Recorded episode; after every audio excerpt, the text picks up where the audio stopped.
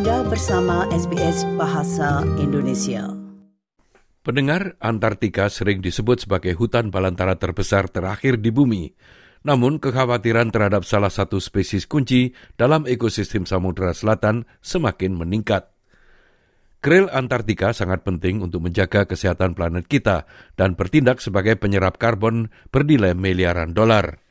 Namun karena pemanasan laut dan laporan penangkapan ikan krill yang terlalu terkonsentrasi telah mengancam populasi mereka. Berikut ini sebuah laporan tentang hal tersebut yang disusun oleh Jennifer Scherer untuk SBS News. Krill merupakan hewan terkecil di lautan, namun krill Antartika memainkan peran besar dalam menjaga emisi karbon dunia tetap pada jalurnya. Krill memakan fitoplankton yang menyerap gas rumah kaca di permukaan laut dan krill menyimpan limbahnya jauh di dalam laut. Rob King, ahli biologi krill di Divisi Antartika Australia, mengatakan bahwa proses ini diperkirakan telah menghilangkan 23 megaton karbon dioksida dari atmosfer setiap tahunnya, setara dengan menghilangkan 5 juta mobil dari jalan raya. 4 or 500 million tons of krill swim 200 meters up and down through the Southern Ocean, like this enormous biological pump, a conveyor belt of carbon down into the ocean. And it's absolutely critical for maintaining the balance and pushing carbon into the world's oceans. Dengan panjangnya hanya 6 cm, populasi mereka merupakan salah satu biomasa terbesar di dunia yang menopang seluruh ekosistem Antartika. Everything from the great whales that have baleen for straying them out of the water, down to penguins that individually catch krill, even a leopard seal, which most, most people associate as just being a voracious predator of penguins and other seals, that gives you some idea of just how critical they are to that ecosystem. Menyadari pentingnya krill bagi planet kita, tahun lalu pemerintah federal mengalokasikan lebih dari 25 juta dolar untuk membangun fasilitas penelitian dan akuarium krill terkemuka di dunia di Hobart. Menteri Lingkungan Hidup Tanya Plibersek menjelaskan. Australia for many years has been leading the argument that we need more marine protected areas around Antarctica because we are worried about overfishing of krill. And of course, we are worried about the impact of climate change on the krill life cycle. Krill is a building block of life on this planet. Meskipun krill sangat penting untuk mencapai target net zero global yang diperkirakan bernilai 24 miliar dolar dalam penyimpanan karbon setiap tahunnya, mereka juga sangat sensitif terhadap perubahan iklim yang secara intrinsik terkait dengan es laut di setiap tahap siklus hidupnya.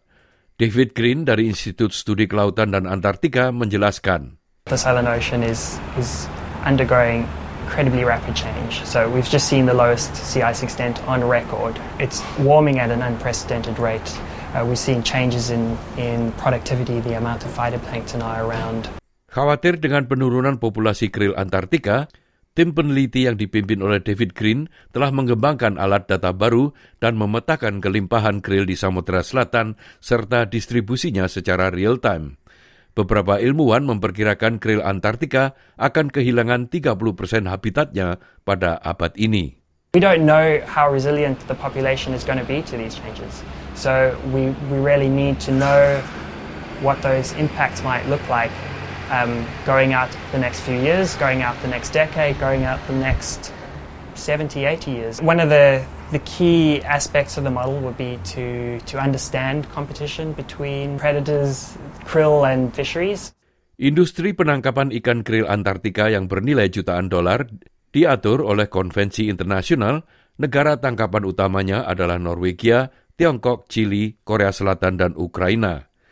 Komisi Konservasi Sumber Daya Hayati Antartika menetapkan batas tangkapan tahunan dan mewajibkan pengamat berada di semua kapal krill. Namun rekaman film yang dibikin oleh Bob Brown Foundation dan Sea Shepherd Global memperlihatkan kapal pukat krill di tengah kawanan ikan paus telah menimbulkan kekhawatiran mengenai pengelolaan perikanan yang berkelanjutan. Alistair Allen adalah juru kampanye Antartika di Bob Brown Foundation – ia mengatakan sebagian besar kapal pukat krill menargetkan tempat mencari makan yang sama dengan kehidupan laut lainnya di Antartika dan mereka khawatir dengan meningkatnya permintaan akan krill. Hal ini sebagian besar disebabkan oleh suplemen kesehatan, makanan hewan, dan pemberian pakan pada ikan yang dipelihara di peternakan. It's pretty hard to believe that krill, which is the foundation of the Antarctic ecosystem, would end up here in this small patch of water in Tasmania. Krill is fed Menurut Organisasi Pangan dan Pertanian PBB, aquaculture adalah industri pangan dengan pertumbuhan tercepat di dunia. Pemasok pakan ikan ke beberapa produsen salmon Australia dilaporkan telah membela penggunaan krill Antartika dengan alasan nilai gizi dari sumber mangsa alami. Namun para pegiat konservasi seperti Alan Alistair mengatakan, krill bukanlah bagian penting dari makanan utama salmon yang dibudidayakan.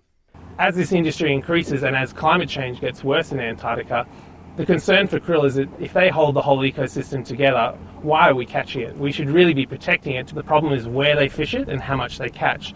Pengelolaan perikanan yang berkelanjutan penting untuk melestarikan apa yang disebut sebagai pembangkit tenaga listrik di Samudra Selatan itu.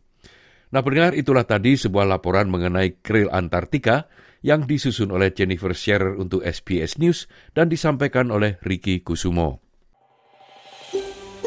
Anda ingin mendengar cerita-cerita seperti ini?